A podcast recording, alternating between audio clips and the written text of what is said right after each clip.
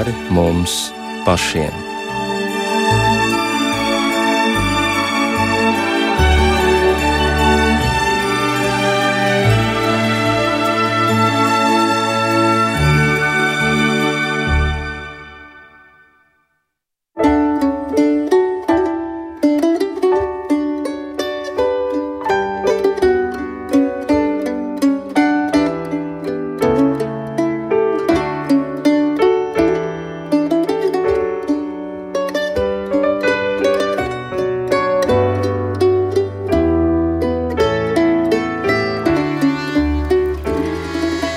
Sveicināti raidījumā pāri mums pašiem, lai ir slavēts Jēzus Kristus.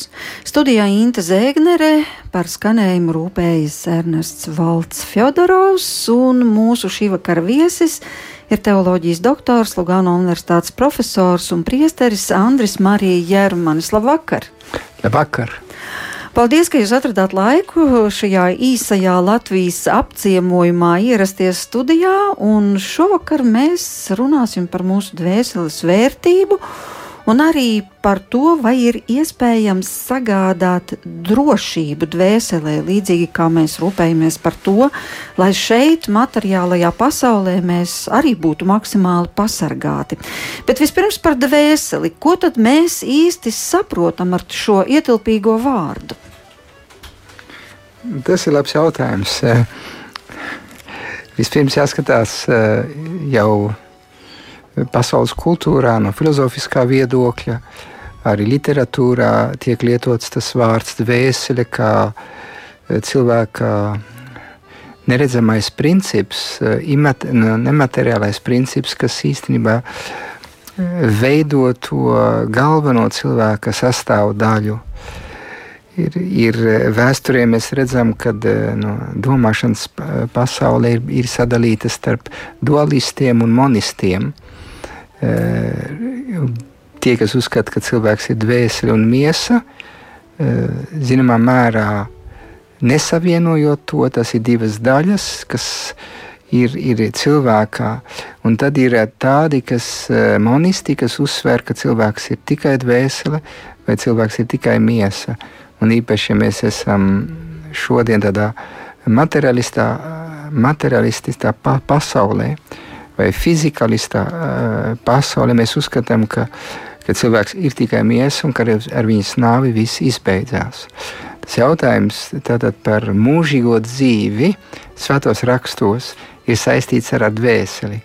Un tad ar, mums jāatgriežas pie, pie, pie svētiem rakstiem, kas ir mums Eh, kristiešiem eh, visu avots, ehm, tad eh, mēs redzam, ka svētos rakstot ir runa par dvēseli, bet dvēseli vairākās nozīmēs, un dvēseli arī kā saistīta ar mūžīgo dzīvi.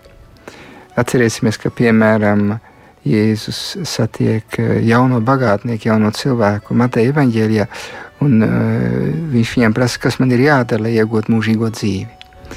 Tad, tad kristietības, kristietības skatījumā eh, mūžīgā dzīve ir galvenais jautājums.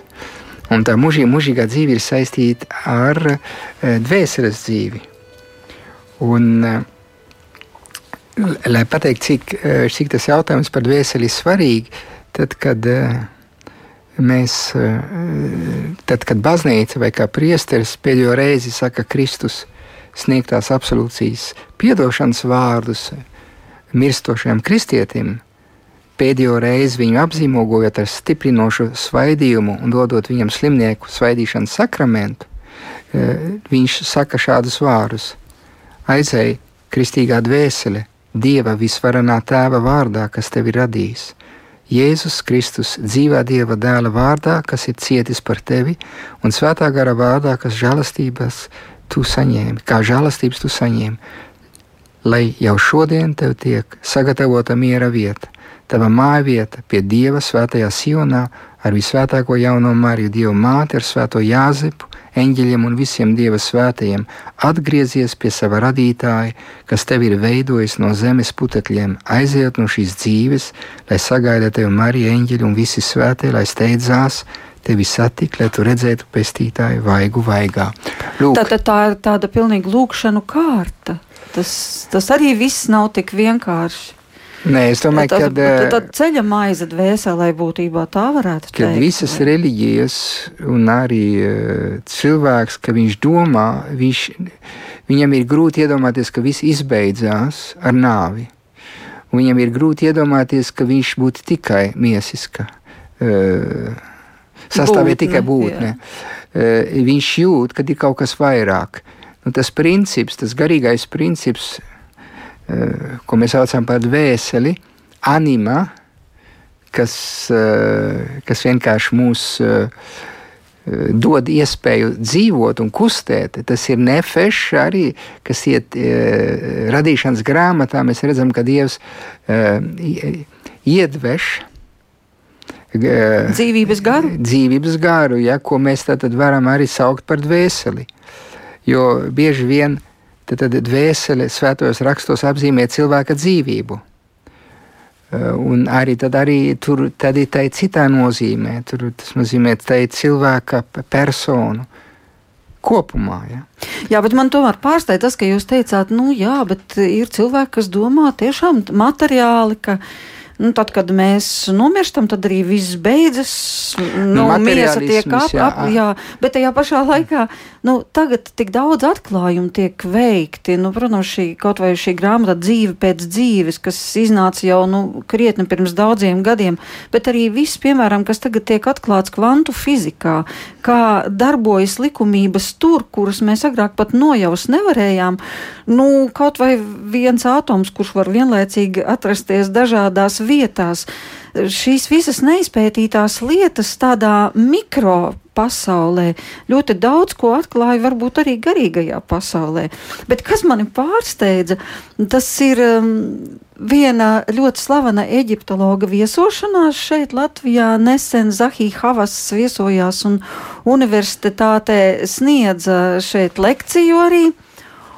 Un uh, es vaicāju viņam, Bet kas tad bija tie galvenie, teiksim, eģiptiešu, seno eģiptiešu dzīvības principi, kas viņiem bija svarīgs? Un viens no principiem, ko viņš uzsvēra, ka eģiptieši ticēja aizkapa dzīvei. Tātad neatkarīgi no tā, kādā veidā mēs eh, nu, laikmetā dzīvojam, tas princips ir ielikts mūsos.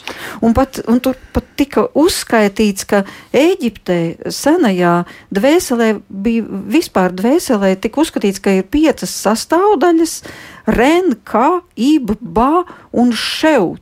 Un ka pirmā sastāvdaļa tas, tas ir tavs vārds, un kamēr uh, tavs vārds tiek piesaukts, tikmēr šī dvēseles sastāvdaļa dzīvo, vai kamēr tas ir kaut, kaut kur uzrakstīts, vai kamēr par, par to tiek lūgts, tātad tavs vārds, pirmā sastāvdaļa. Pēc tam otrā sastāvdaļa ir šis kā. Tā ir dzīvība, kas atšķir, nu, tā dzīvība, kas atšķir dzīvu cilvēku no nedzīva cilvēka. Tad šis ib, tas ir tā, tā sirds, kas nav sirds, kas pumpē asinis ķermenī, bet tas ir tas mūsu garīgais centrs. Un tad ir vēl ba.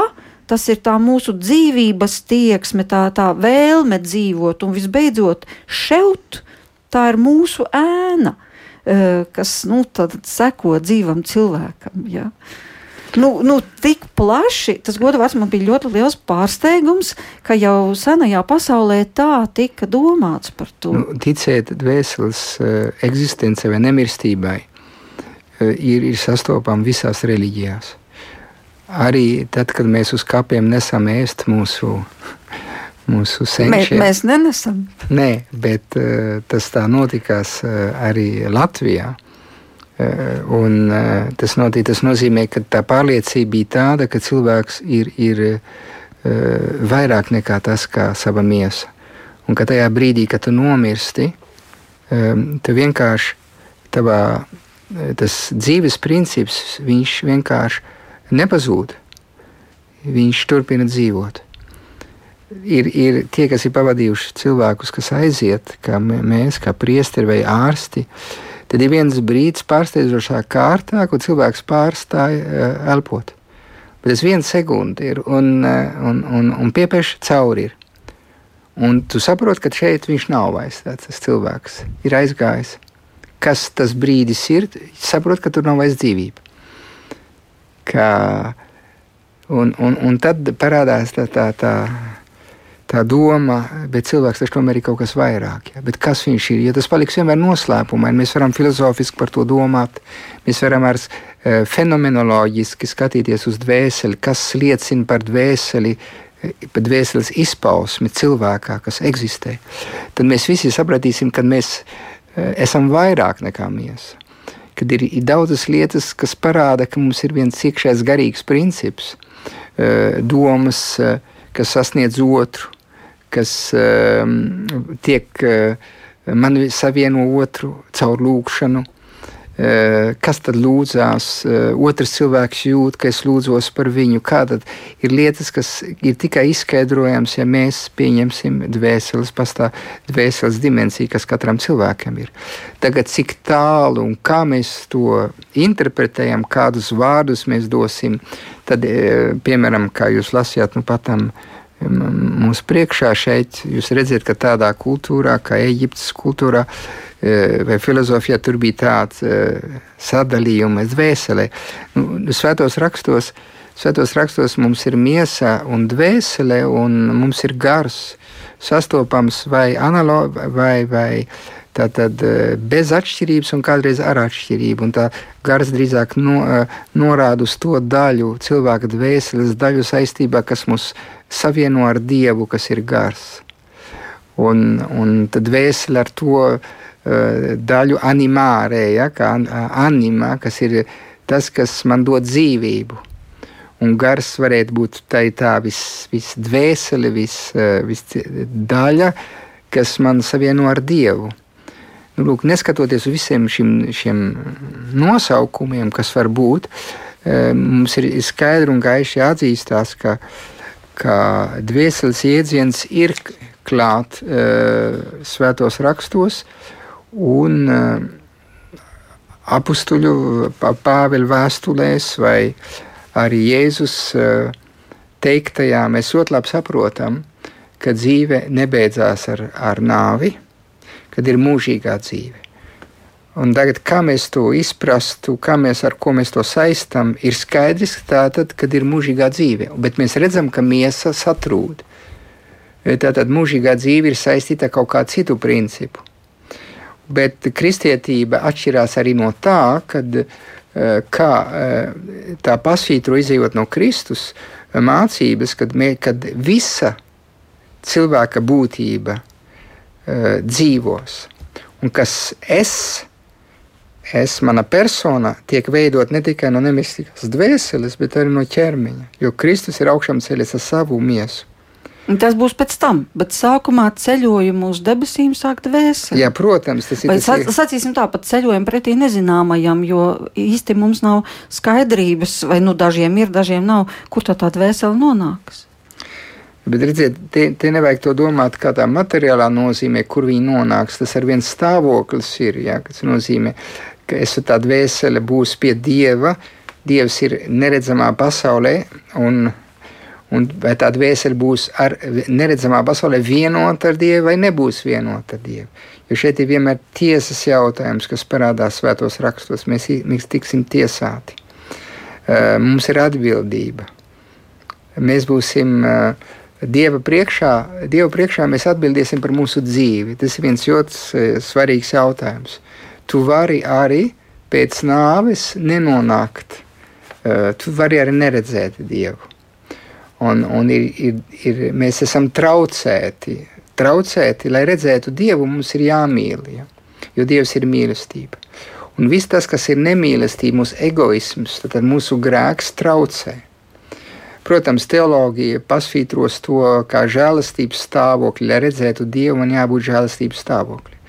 Un, un tad varbūt uzreiz par to, kas ir žēlastības stāvoklis. Nu, žēlastības stāvoklis tas būtu vienots ar Dievu. Jau vienot, ka mana dvēsele ir vienota ar Dievu. Nu, kā to saprast? Nu, kā to saprast? Tas nozīmē vienotībā ar Dievu. Tas nu, nozīmē, tas, ka nu, mans gars ir vienots ar Dieva garu. Bet tas nozīmē, Komunija, ka komunija, divi vārds, tas, kopība. Jā. Tā, tā, tā, tā vienotība. Es varu arī zaudēt šo vienotību ar Dievu.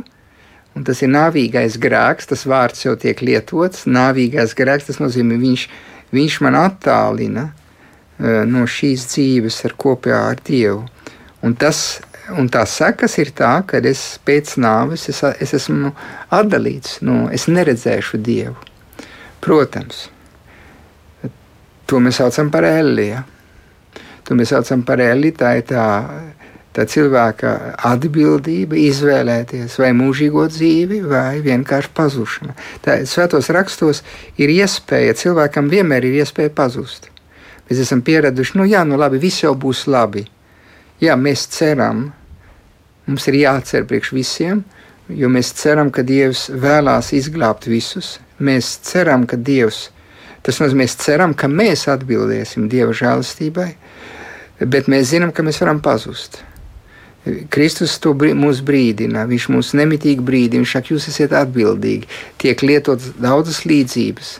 Eh, daudz Kristus vārdi eh, pasvītro, kad ir vieglāk sekot plašajam pazušanas ceļam nekā ieiet debesīs. Tas nozīmē, ka tie izteicieni vai tās līdzības ir domāts, lai cilvēku eh, pamodinātu. Esiet nomodā, jūs neziniet, kad kungs nāks tur tiek lietota uh, tā laiku pedagoģija. Un ar baiga pedagoģiju, uh, lai ievestu cilvēkam svētās bailes, lai cilvēks sāktu domāt par mūžīgo dzīvi. Bet tas, ko Jēzus saka, tā jau nav pasakiņa, lai kādu iebiedētu. Viņš ne, vienkārši runā ne, ne, patiesību. Nē, viņš runā arī tā laiku līdzībās tas nozīmē runā ar līdzībām, lai liktu saprast kaut ko, kas pārsniedz mūsu izpē, tiešo izpratni. Un, un tad tur jāspēj, tur jāspēj neiekrist fundamentālismā. Fundamentālists paņem tekstuāli to tekstu, tur ir burts rakstīts tāds, un tad to, to jātiecina tā. Ņemsim, fundamentālisms paņems bija viens ābolis, un tev iekoda ābolī, un tas bija nāvīgais grēks. Nu, tas par paradīzes. Nu, ņemsim jā. to, bet mēs ļoti labi saprotam, ka tā, ir, ka tā ir valoda, kas izsaka kaut kādu dziļāku būtību. Un tad, nu, tas nozīmē, mēs to varam attiecināt arī, un mums ir jātiecina uz to, uz daudziem Kristus izteicinām, uz līdzībām, jo līdzība izsaka daudz labāk uh, vienu, bū, vienu lietu vai vienu patiesību Un tad baznīca, tomēr kopiena interpretē. Nekad svētie raksti netiek lasīti ārpus kopienas vai ārpus baznīcas. Un baznīca ir tā, kas tad eh, pārdomā un eh, pienāk pie patiesības, eh, ticības patiesības, kas tiek nodota tālāk. Es, es varu paņemt tādus izteicienus svētos rakstos, kas, ko es varu interpretēt vai vienā virzienā vai otrā virzienā. Te no vienas puses liekas, ka uh, elle ir pilna un ka ļoti maz tiks glābti, ka 144 tūkstoši cilvēku. Vai ir iespējams, ka Kristus ir miris tikai priekš 144 tūkstoši cilvēkiem? Bet no kurienes tie 144 tūkstoši? Nu, ap, tie ir tieši tur tajā brīdī ir jāsaprot, ka ir viena simboliska valoda. Uh, un tā simboliskā valoda un arī uh, cīparu simboliski ir, ir ārkārtīgi svarīgi. Un, un, un, un ir, mēs redzam, arī, ka vēsturē, arī baznīcas vēsturē ir bijušas vairākas tendences, daži to ir ņēmuši konkrēti, eh, kā patieso cīparu, tad, eh, bet nav to lasījuši simboliski. Bet, bet eh, ebreju domāšanā simboliem bija ārkārtīgi liela vārda. Tas nozīmē numeroloģija, numero, nu, tas nozīmē tie cīparu. Um, simbolisms bija ārkārtīgi svarīgs, lai izteiktu dziļāku patiesību, ko nevar izteikt. Nu, jā, labi, bet par tām proporcijām kaut vai. Nu, lai kā mēs skatītos, tomēr Bībelē ir tie vārdi, ka plats ir ceļš, kas ved uz pazušanu, un šaurs ir ceļš, kas Jā. ved uz glābšanu. Un tur viņš vēl papildina, ka Jā. Mm, daudzi ir tie, kas izvēlas šo plato ceļu, un maz ir to, kas jā, la, laba, to šauro la, ceļu laba egzegēze, labs egzegēts vēsture, tas nozīmē svēto rakstu pētnieks, tev pateiks, kādā nozīmē tas ir jāsaprot. Un kādā? Tā ir egzortācija, tas nozīmē, tas ir pamudinājums. Tas ir tā, ka mēs pasakam, zini, uzmanies, ja tu liks tavu roku, tur tu sadegsi. Un, un tad vecāki pasaka bērniem, bet ļoti daudz sadedzina savas rokas. Tas ir viens pamudinājums. Tas ir pamudinājums stils. Un Vai... pamudinājums stils Nav jāņem tekstuāli, jo, ja tu ņemsi tekstuāli, pilnīgi kā tas tur raksts, tas nozīmē, ka dēļa ir pilna. Un ka debesis, un tas arī baznīcā, tas nozīmē, ir bijusi tāda tendence priecāties, ka ļoti mazi tiek glābti. Un, o, Izklausās neticami. Nu, tā tas ir bijis. Mēs pat, pat ir, mums ir tāds liecības, kur kādreiz pat uh, priesteris izskaitīs kad, un priecājās un ka šodien ļoti maz atnāca uz komuniju, paldies Dievam, jo tik daudz cilvēku ir necienīgi un tāpēc tikai viens vai divi ir atnākuši. Uh, tas nozīmē, jo, jo bija tā pārliecība, ka maz tiks glābti. Piemēram, mums ir jansenisms, kas ir viena Augustīna teoloģijas iz, tāda interpretācija kur uzskata, ka kad ir uh, viena tikai ļoti maza daļa, kas tiks izglābta, jo iziet tieši no šīs interpretācijas. Mums, mums ir di divas galības. Mēs varam pateikt, elle ir pilna un debesis ir tukšas praktiski.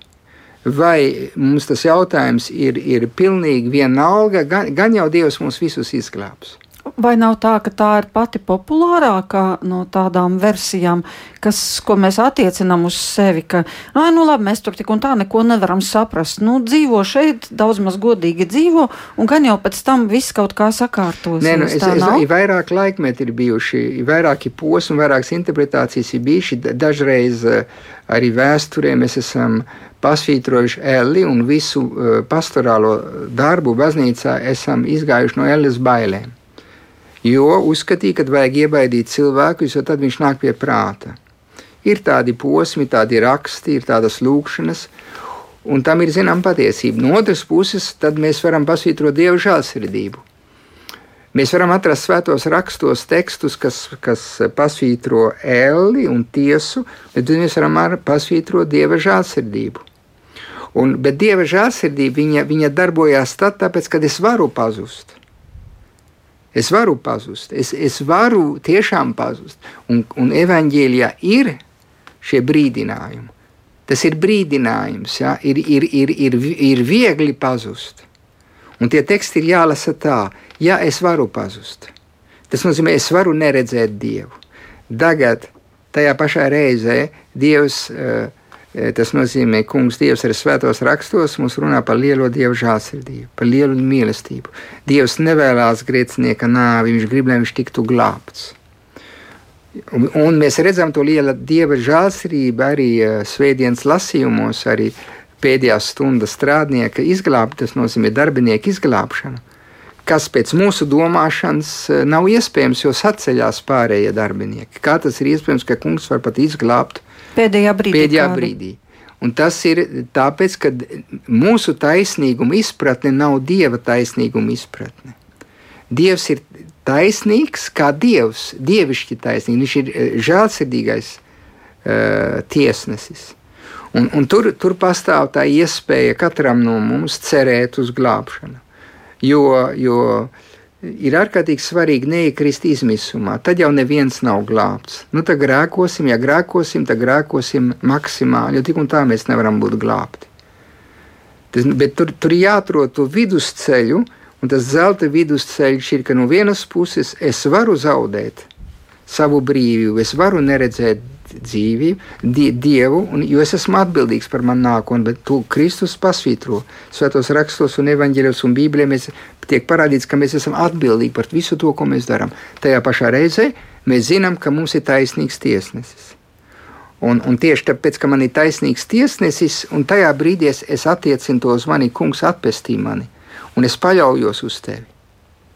Jo es, es nevaru dzīvot tādās bailēs, ka tagad es pazudīšu. Jo, ja mēs esam godīgi, ja mēs esam godīgi, kurš no mums ir bez grēka, kurš no mums pilnībā dzīvo kā Dievs vēlās, tad, tad es esmu pelnījis Elijā. Bet es paļaujos uz Dieva žēlsirdības, kas, un es ticu, ka Dievs varēs man, man, man glābt, un es, un es e, vienkārši to no visas sirds lūdzu, lai Dievs man izglāb. Un, eh, ja mēs ņemsim eh, svēto dzīvi, cik daudz svēto paši ir izjutuši, cik viņi ir vāji. Pat Arsas prāvestam, svētām Arsas prāvestam, tādā mistiskā piedzīvojumā Dievs atklāja, ka īstenībā pēc būtības viņš ir pelnījis elli. Jo viņš pats sludināja visiem elli. Savā pirmā dzīves posmā, kad viņš prediķoja. Bet uh, Dievs viņam atklāja, ka faktiski tu arī spēlnīsi Elli, tik daudz lietas, ko tu pat izdarījis, kas tev bija jādara, izējot no tavas misijas. Un, bet tajā mana lielā žēlsirdība ir tā, kas tev izglāba. Un tad viņš izmaina visu savu pedagoģiju tā, ka viņš uzrunā cilvēkus. Viņš vairs nebalsta visu uz ēles bailēm, bet, bet iziet no dieva žēlsirdības. Bet man jau nav jācaucās uz dieva žēlsirdības, lai attaisnotu ļaunumu. Man jāsaprot, dieva ļaunums, tas nozīmē cilvēka ļaunums un mans ļaunums manā personīgā dzīvē, un tajā pašā reizē svētījo rakstu tā, tā labā vēsts ir, kad man arī ir iespēja tikt izglābtam. Un, bet tā, tā, būs, tā būs tā spriedze, kur man nemitīgi ir jāatgriežas. Atgriešanās ir pastāvīga. Man, at, at, man pastāvīgi ir, ir, ir jālūdz no Dieva šo, šo palīdzību. Ņemsim arī svēto dzīvi, kā māsa Faustīna, kas, eh, kas piedzīvo mistiskā veidā eh, to aicinājumu pasvītrot Dieva žēlsirdību. Un, un, un kungs viņai saka, tā mistiskā piedzīvojuma, visi runā par elli, bet visi aizmirst manu, dieva, manu, manu lielo žēlsirdību. Nu, tad nu sanāk tā, ka te uz zemes dzīvojot, mēs esam nu, no tāda garīgā viedokļa gan diezgan neaps, neapskaužamā stāvoklī. Jo, kā ir teikts, šeit, šajā pasaulē, mēs ienācām bez mūsu piekrišanas, bet savukārt debesīs mēs varam nokļūt tikai ar mūsu piekrišanu, vai ar vēlmi, vai, un tajā pašā laikā vēl nevar zināt, nu, kas tur vispār var nonākt.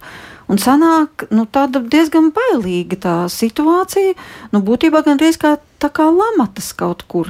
No vienas puses Dievs no mums pieprasa svētumu, un ir teikts, svētīgi sirdsšķīstie, jo tie dievu redzēs.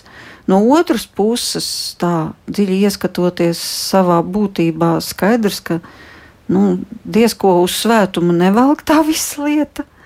Un, nu. un, kur, un kur? Un tad tik tiešām tu domā, labi, šī zemes dzīve beigsies, un kļūst tā diezgan neumolīgi.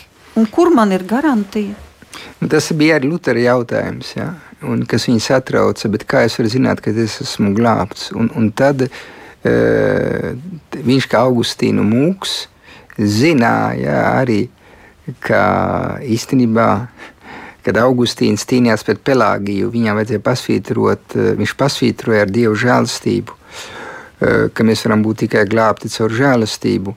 Un, un beidzot, eh, tas nozīmē, ka Luters atrod savu eh, dvēselē mieru tad, kad viņš apzinās, ka viņš ne jau ar saviem nopelniem iegūs debesis, bet tas ir Dievs, kas, sevi, kas viņu ir izglābis, un viņš būs tā garantija. Un kad man vajag tikai paļauties, un tā paļauj, viņš saprot, ka tic, vārds, tic, jo ticība ietver arī šo nozīmi paļauties. Un, ja es paļaušos, arī eh, tajā situācijā, ko es atrodos, es, jo es pats sev nevaru izglābt, viņš man izglābtu. Un tas ir, tas ir ārkārtīgi um, pozitīvs aspekts tajā domāšanā. Tur var diskutēt, kā, kā, kā to, vai tā atpestīšana ir uh, nepieskaitīšana, non-imputācija, tas nozīmē, jeb tas ir vai, vai patiešām tā jaunā dzīve, viņa ir reāli, viņa izmaina manī. Viņam ir tādi, tādi tā viens tēls, viņš pasaka, īstenībā Dievs mūs izglāb kā sniegs, kas pārsniedz, kas pār, pārsedz to neskaidrību, to netīrību, kas ir mūsos. Tā paliek mūsos, tas ir tā daļa, tā grēcīgā dzīve, kas paliek mūsos. Bet eh, tas ir viens aspekts. Otrais, otrais eh, tā, tā pārdoma, kas, kas man nāk, tas ir domāt par Svēto Terēzu no bērna Jēzus. Viņa arī, eh, viņa, reaģē pret to laiku rigorismu, ko mēs saucam par jansenismu, kas valdīja klosteru dzīvē, kur vienkārši pasvītroja tās bailes no elles un pasvītroja, cik daudz cilvēkam vajag līdzdarboties žēlastībai, lai tiktu glābtam, eh, un mēs tiekam glābtam pēc mūsu nopelniem. Un, un, šeit ir tā dilemma, ka no vienas puses eh, Luters pasvītro visu žēlastību, ja tu jau nevari ar taviem darbiem izglābt sevi, un otras puses ir, ir tās, tā, tā otrā galība, ir tāda pateikt, ja tavi darbi uh, ir ļoti svarīgi. Bez taviem darbiem tu netiksi glābts. Un mazā Terēze, uh, viņa piedzīvo uh, to, ka, ka viņa saka, man jau nav nekas, ko likt priekšā Dievam, manas rokas ir tukšas. Un viņa, viņa atklāja no jauna, ka vajag paļauties. Un tas ir tas mazais ceļš. Un tur, zināmā mērā, viņa, viņa pasaka to pašu, ko Luters. Jā, tas varētu būt vienam katolim tā, tā jocīgi, bet uh, Tur ir tā paļāvība uz Dieva žēlastības, neskatoties uz to, ka es esmu nepilnīgs, ka Viņš man izglābs, neskatoties uz to, ka manas rokas ir tukšas, mūs eh, norāda uz pareizo uh, priekšnosacījumu, kā dzīvot virs šīs zemes, nedzīvot tādā iztēriskās bailēs. Jo te man nāk prātā vēl citi vārdi, kas man atbrīvos no šīm bailēm no, un, un no nāves bailēm, saka apustulis Pāvils. Un viņš beidzot pasakā tikai Kristus. Man atbrīvos. Tad šī paļāvība, ko mazā Terēze e, mūs, uz ko viņa mūs aicina, ir, ir, ir, ir, ir būtiska paļāvība, kas ir saistīta ar ticību. Tici, paļaujies. Bet, bet jau, tas jau nenozīmē, Tas nenozīmē, tas nozīmē, ka tas jau nenozīmē, ka nekāda atbildība nebūtu no manas puses. Jā, mani darbi, uh, mani darbi mani pavada, jo man ir atbildība. Es varu aizvērt durvis, es varu uh, var vienkārši pateikt nē kungam. Bet mēs visi ļoti labi zinām, ka mēs uh, bieži vien esam tikai ceļā uz Dievu. Un ka tik viegli nav arī atteikties no grēka vai atteikties no tām saistībām, kas mums ir ar dažām situācijām, un ka mēs esam tikai ceļinieki, ka mēs virzamies, un kad ir šī pak pakāpeniskuma likums, kas ir jāievēro, dinamiskais process arī ceļā uz svētumu.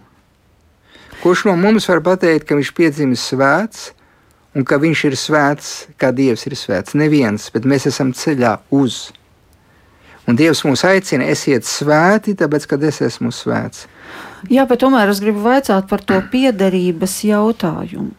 Lai es būtu drošībā, tad man ir jāsaprot, ka mana dvēsele pieder Dievam, man ka mana jā, dvēsele jā, pieder tai debesu sfērai, ka man ir kaut kāds sakars ar to, vai nevis vienkārši, ka es esmu labs cilvēks un dzīvoju daudz maz pēc vi, cilvēciskiem likumiem. Jā, bet tas, redziet, te viena opcija ir jāiztaisa.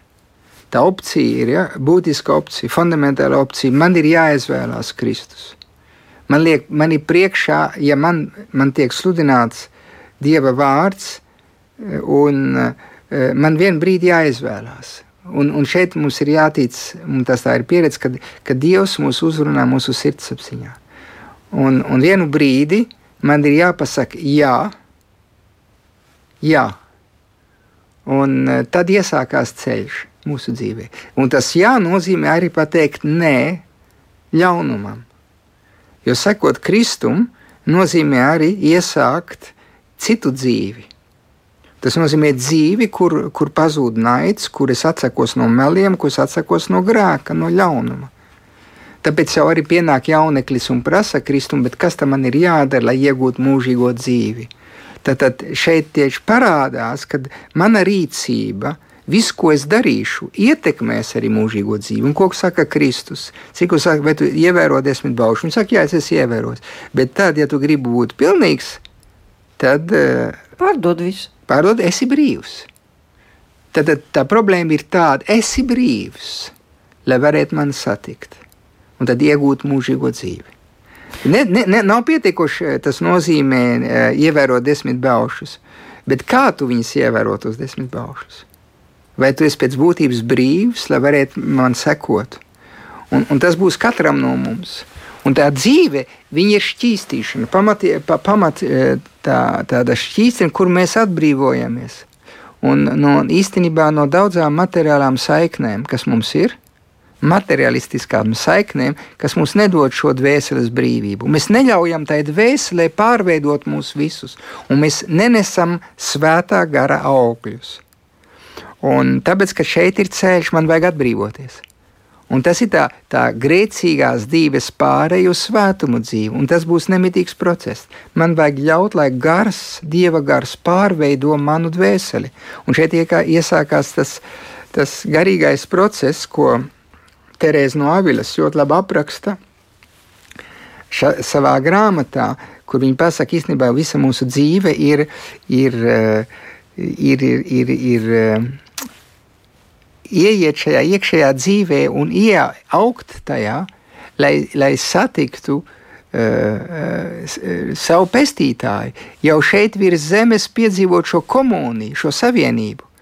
Un viņi aprakstīja šo, šo garīgo psiholoģiju, kā mēs to varam teikt, kur cilvēks vienkārši no, pieķerās pie lietām, atbrīvojas un iet pakāpeniski uz priekšu. Un mēs redzam, ka daži cilvēki ir piedzīvojuši šeit virs zemes tādu, tādu procesu, kur tu jūti, ka tas cilvēks pieder pilnīgi garīgai pasaulē, pieder dievam. Un tad mēs jūtam citi cilvēki, kas ir ļoti miesīgi, ja mēs tā teiktu. Viņi dzīvo ļoti pieķērušies pie daudzām lietām, viņiem bagātība ir ārkārtīgi svarīga, viņu drošība ir bagātība, viņiem nav laika lūgties, viņiem nav laika domāt par garīgo dzīvi, viņi aizmirst, ka viņiem ir dvēsele. Un, un Terēza no Avilas viņa, viņa parāda, ka, ka cilvēkam ir jāiesāk viens svētceļojums uz iekšējo dzīvi. Tu jāatklāj dvēseles dzīvi un jāatklāj, ka tā dvēsele īstenībā ir virzīta uz Dievu. Ka tai dvēselē jāļauj garam tev eh, pārņemt tavu iekšējo dzīvi. Un, eh, un tas ir process. Un tas ir process, kas būs, kas iet bieži viens ar krustu. Caur ciešanām. Tur tas nozīmē, ka tas tev palīdzēs saprast būtiskās vērtības. Un mēs to redzam, ka mēs esam tā pieķērušies, mēs, esam, mēs neesam brīvi. Un tā nebrīvība, kas skar to jaunekli, kuru Jēzus uzrunā, un kas, viņ, kas viņam nedos iespēju sekot, viņš nesekos Jēzum. Viņš atstāja visu un saka, Matejs, viņš aizgāja bēdīgi prom. Un bieži vien ir tā, ka mūsu dzīve, un tā Terēza no Avilas viņa saka, izējot, viņa, viņa, viņa, ka viņa uzraksta uh, šo, šo grāmatu. Dvēseles pils. Dvēseles pils, viņa saka, tas iziet no manas pieredzes, no tā arī, ko es uh, ieguvu runājot ar, visām, cil, ar visiem cilvēkiem, kuri, kuri man bija uh, kurus man bija jāvada, mūķinis un arī citi cilvēki. Un, saka, tas process ir tāds, kad, kad ļaunais gars dara visu, lai es nelūgtos, lai es nemeditētu, lai es, ne, lai es neapstātos. Tas nozīmē, lai es visu laiku skrietu. Viņi uzskata, ka ārpus tā iekšējā pilsēta tu dzīvo, eh, tu dzīvo starp čūskām un tu dzīvo uh, Tad tu dzīvo, tas nozīmē dārzā, un tajā dārzā ir nezāles, tur ir čūskas, tur ir. Un tā ir tā laicīgā pasaulē, te, kur tikai materiālās vērtības dominē. Citiem vārdiem sakot, ja mēs iedomājamies dvēseli kā pili, kas ir mūsos, tad bieži vien mēs tajā pilī nemaz, nemaz neesam iegājuši iekšā, kur var notikt šī sastapšanās ar Dievu. Tās durvis ir ciet, ir apkārt nezāles, Jā. un mēs pat neesam atvēruši durvis, lai Jā. ieietu pirmajā mājoklī. Jā. Bet viņa runā par veseliem septiņiem mājokļiem, kurā, kur viens ir skaistāks par otru, bet mēs tos mājokļus nepazīstam. Ne, nu, tāpēc, kad eh, redz, arī šeit par tiem mājokļiem var diskutēt, tā ir, tā ir viņas pieredze, bet kas no tā vajag, kas mums jāatcerās no tā, ka tas ir dinamisks process, kad ir vairāki stāvokļi, bet kas no viņas ir jāpaņem vēl šodien, kas ir ārkārtīgi būtiski, ir, ir kā caur uh, lūkšanu, meditīvo kontemplāciju. Tas nozīmē, tu spēj paņemt to pareizo atslēgu, kas atvērs durvis uz mājokļiem. Un viņi pasaka, ļaunais gars dara visu, lai tu neapstātos, lai tu neieejiet iekšā. Un tas nozīmē, viņš tev, viņš tev izvēl ārā no šī no, no lūkšanas gara, ja teiktu tā, un lai tu paliktu uh, šajās rūpēs. Kristus zināmā mērā to pašu saka. Tas nozīmē, Terēza saka to, ko Jēzus ir teicis, ka, ka runā par to sēklu, kas iekrīt labā zemē vai iekrīt, un ka viņš saka, tas ir tā sēkla, kas iekrīt rūpē, rūpēs un tā tālāk. Caurmērā mēs visi esam aizņemti ar āršķirīgām lietām, Un mēs aizmirstam kopt savu dvēseli. Mēs spogulī pieceļamies no rīta, noķemjam mati, nodzenam bārdu vai sievietes. lūpas. Un, un mēs e, izkopjam to ārēju izskatu. Bet cik maz mēs darām, lai izkoptu šo iekšējo principu un, un, un vienkārši dod dvēselē e, to iespēju attīstīties mūsos un, lai, lai, un sakārtot uh, un miesu un dvēseles pareizā, eh, at, pareizās attiecības ar miesu un dvēseli. Un, un, un tur ir tas konflikts, kas notiek katrā dzīvē. Un bieži vien to garīgo dimensiju mēs atklājam pārbaudījumu brīžos. Vai slimnīcā, vai kad sabrūk visas mūsu drošības tajā brīdī tu apstājies. Jeb arī tad, kad mēs esam atvainājumā, tad, kad mēs e, klusumā staigājam, jeb kad mēs izdarām kādus uh, garīgus vingrinājumus. Un te vēl, vēlos atgriezties pie svētā Ignācija, kurš uh, apraksta arī to garīgo dzīves ceļu kā tādu vingrinājumu. Un viņš saka tā, tas pats kā ar fizisko pasauli, kur vajag vingrināties, un sākumā mums ir grūti vingrināties. Tāpat ar garīgo dzīvi ir garīgie vingrinājumi, kas mums vienkārši pamazām atvērs to garīgo pasauli, ka mums viņi sāks patikt. Tas pats, kas sāk sportot, eh, nu, viņam ir grūti noskriet to vienu, vai divus, vai desmit kilometrus. Bet ar laiku tas tik viegli kļūs. Un tas pats garīgā dzīvē, ja tu iesāc iet šo ceļu, šo dvēseles ceļu, no, no ārēj, āršķirīgām lietām vai no ārējās pasaules uz iekšējo pasauli, un tur no iekšējās pasaules uz, uz augšu. Tā kā Svētais Augustīns to ļoti labi apraksta, no ārējās uh, liet, no ārējām lietām uz iekšējām lietām, un no iekšējām lietām uz, augstā, uz augstākām lietām. Viņš, ja, ja tu to atklāji, tev parādās pilnīgi cita pasaule. Es pirms dažām dienām klausījos uh, vienu tādu ierakstu par franču uh, grupu, kur, kur ļoti daudz dzinieki un mākslinieki uh, piekop tādu lielu mīlestību pret franču kultūru, un viņus tad apcietināja. Uh, un, uh, tur ir uh, ieraksts no, no, no, no, tās, uh, no tām liecībām. Bet kas izceļas visvairāk, tas ir tas, ka Sibīrija un, uh, un tas, tas pārdzīvojuma laiks bija iespējams viņiem uh, pateicoties tai iekšējai dzīvei, jo māksla jau ir viena pakāpe. Eh, un, un tā ir viena garīgā pasaule, kas viņam deva iespēju arī iz, izdzīvot tajā, tajā pasaulē. Un, un viņi, eh, viņi, viņi to liecina par to, cik svarīgi ir tā iekšējā dzīve. Un, un Svētais Augustīns to pašu saka. Viņš saka, redziet, tā iekšējā dzīve, jau visākumā tu viņu atklāji caur mākslu. Mākslinieks jau ir iekšējās dzīves. Um, viņš piekopja iekšējo dzīvi. Mēs nevaram iedomāties mākslu bez iekšējās dzīves. Tā ir kultūras pasaule, tā ir iekšā dzīve. Un, protams, mēs varam apstāties zināmā pakāpē, bet, bet īsts mākslinieks viņš ir tā pārņemts, Viņš ir tā iedvesmots, kad eh, tā iedvesme nāk no kaut kā dziļāka. Un Augustīns saka, ka, ka māksla ir, ja, un viņš runā par, par mūziku, viņš runā kā, kā tā pakāpe, kas man ved uz, uz, uz, uz, uz, gara, uz garu. Un kas tad liek saprast, ka ir augstākais gars.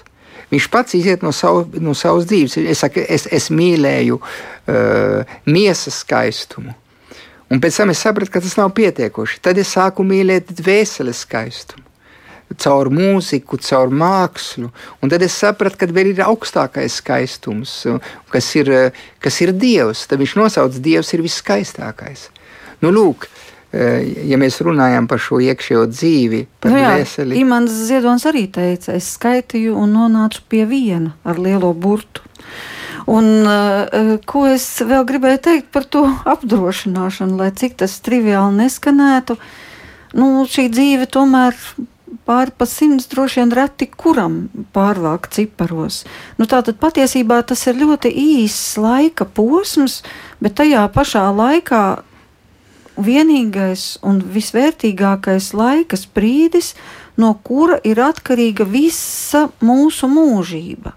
jeb visa mūsu tālākā pieredze, kas ir bezgalīga, kuru vairs nevar mainīt.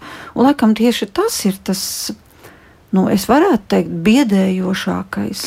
Ka būtībā ar šo mazo fragmentiņu, ko mēs pavadām uz šīs pasaules, ar visām tām bezgalīgajām rūpēm, ar to mēs nosakām mūsu stāvokli, nemainīgu stāvokli mūžībā. Bet jūs teicāt, pastāv pēdējās stundas strādnieki, kuriem varbūt pietiek tikai izsaukties, kungs, piedod un izglāb. Nu, es domāju, ka katram no mums, mēs zināmā mērā esam visi pēdējās stundas strādnieki. Mēs ar vien vairāk, tikai, mēs ar vien labāk to saprotam, jo mēs attīstamies garīgi. Un tad mēs saprotam, cik, cik mēs tālu esam bijuši. Pat ja mēs domājam, ka mēs bijām. Uh, ja dzīvojam saskaņā ar Dievu. Tas ir process. Bet, ko es gribēju pasvītrot tajā, ko jūs teicat, ka vajag izvairīties no divām galībām. Tā pirmā galība ir tāda, ka viss, es domāju tikai par debesīm, un es, es domāju, ka esmu tikai eņģelis. Un es jau virs šīs zemes to uzskatu kā niecīgu, un es sāku šo, šo, šo zemes dzīvi pilnīgi mazvērtēt. Pāvils gan tā teica, nu, ka viņš, viņš to uzskata jā, par drazu. Tas var, tas var novest pie tā, ka Marksam bija taisnība, ka viņš saka, ka reliģija ir, ir tautas opijas, ja, kas mūs aizved prom no šīs zemes, un tad mēs sludinām debesi bez šīs zemes. Bet Dievs ir iemiesojies, un Dievs ir radījis pasauli, un Kristus ir iemiesojies. Tas no dodot vērtību arī miesai, dodot vērtībai šai pasaulē. Tātad es netikšu glābt bez manas miesas, es netikšu glābt bez šīs pasaules. Tas nozīmē, mana pasaule virs šīs zemes ir svarīga. Mm. Un, un es nevaru teikt, es tagad domāju tikai par debesīm. Ne, nu tā ir mana iespēja šeit. Bet man bet ir kā, es, lai apdrošinātu nu, to? Es kā, man, man ir jāatcerās to, ko Zenta Mauriņa teica. Mana saknes ir debesīs. Un, un es domāju, ka tas ir ārkārtīgi svarīgi. Manas saknes ir debesīs. Bet es dzīvošu un virs šīs zemes ar divām kājām virs šīs zemes, kamēr es esmu šeit. Un es, jo, jo, jo mums nav tikai viens bauslis. Mīli Dievu un aizmirsti pārējos. Kristietībā mīli Dievu, mīli tavus tuvākos. Un tie tuvākie viņi ir, viņi ir tev blakus. Ir, eh, viņi ir tev blakus. Mēs tiksim tad arī eh, tiesāti, ja mēs pēc mūsu mīlestības, kā mēs būsim mīlējuši savu tuvāko. To mēs nekad nedrīkstam aizmirst. Dievs ir mīlestība, bet tā būs tas, tas, tas uh, mīlestība būs tas mērs, pēc kura mēs tiksim uh, vērtēti un, un pēc kura Dievs mūs, mūs, mūs, mūs glābs. Un es domāju, ka tieši ticība, mīlestība un cerība ir neatdalami. Un ka jo vairāk mēs iesim šo ceļu, un es neesmu drošs, vai es tikšu izglābts, bet es ceru, ka es tikšu izglābts. Jo es paļaušu, es paļaujos uz Dieva žēlastību. Un, Un, eh, un es saprotu, ka man jābūt nomodā. Un es saprotu, ka es varu, es ne, mēs nedrīkst samierināties ar to stāvokli, kurā es atrodos, ka man jāiet tālāk. Un galvenais ir, kā Pāvils Francisks ļoti labi saka, ej. Un tā, kad tu iesi, tu neapstāsies, un tad tu dzīvosi. Bet, ja tu samierinājies ar tavu situāciju, kurā tu esi, ar tavu grēcīgo dzīvi, un tu nemēģini iet tālāk, vai ar tavām vājībām, vai ar tavām nepilnībām, vai ar tavām saiknēm, ja tu samierinājies ar to, tad eh, īstenībā tu tiešām arī eh, riskē. Es domāju, cilvēks skatīt, Dievs mūs vērtēs arī pēc mūsu intencijas, pēc to, ko mēs esam vēlē, vēlējušies. Un eh, kādus, kā mēs esam īstenībā, ko mēs esam ielikuši tajā, ko mēs esam darījuši. Tāpēc neviens nevar pateikt, tu esi pazudis. Tikai Dievs var to tiesāt un pateikt, jo Viņš pazīst tavus apstākļus, tavas dzīves. Tāpēc netiesāsim citus. Ja mēs varam objektīvi pateikt, tas ir slikti, tas, tas objektīvi tas ir slikti, bet mēs nekad nezinām viņa personīgo atbildību. Un tā Tātad tā cerība. jūsu galvenais aicinājums ir neapstāties iet, meklēt, meklēt šo savu dvēseles pili, nodibināt saikni tajā ar Dievu. Tā es saprotu. Un, un atcerieties to, ko Tēvs Pīs, Svētais Tēvs Pīs teica neticīgajam, kas teica, es neticu, bet viņš teica, Dievs tic tev. Un, un tas ir uh, svarīgi. Dievs tic cilvēkam. Arī viena cita grāmata, ko es nu pat lasīju pirms pāris dienām, Dievs tic cilvēkam. Un tāpēc viņš ir iemiesojies. Paldies teoloģijas profesoram, priesterim Andrim Marijai Jarumanim, kurš šovakar bija studijā. Kopā ar jums bija Inte Zēgnera par skanējumu rūpējās Ernests Valts Fjodorovs. Un um, noslēdzam ar Erika Ešenvalda dvēseles dziesmu. Paldies!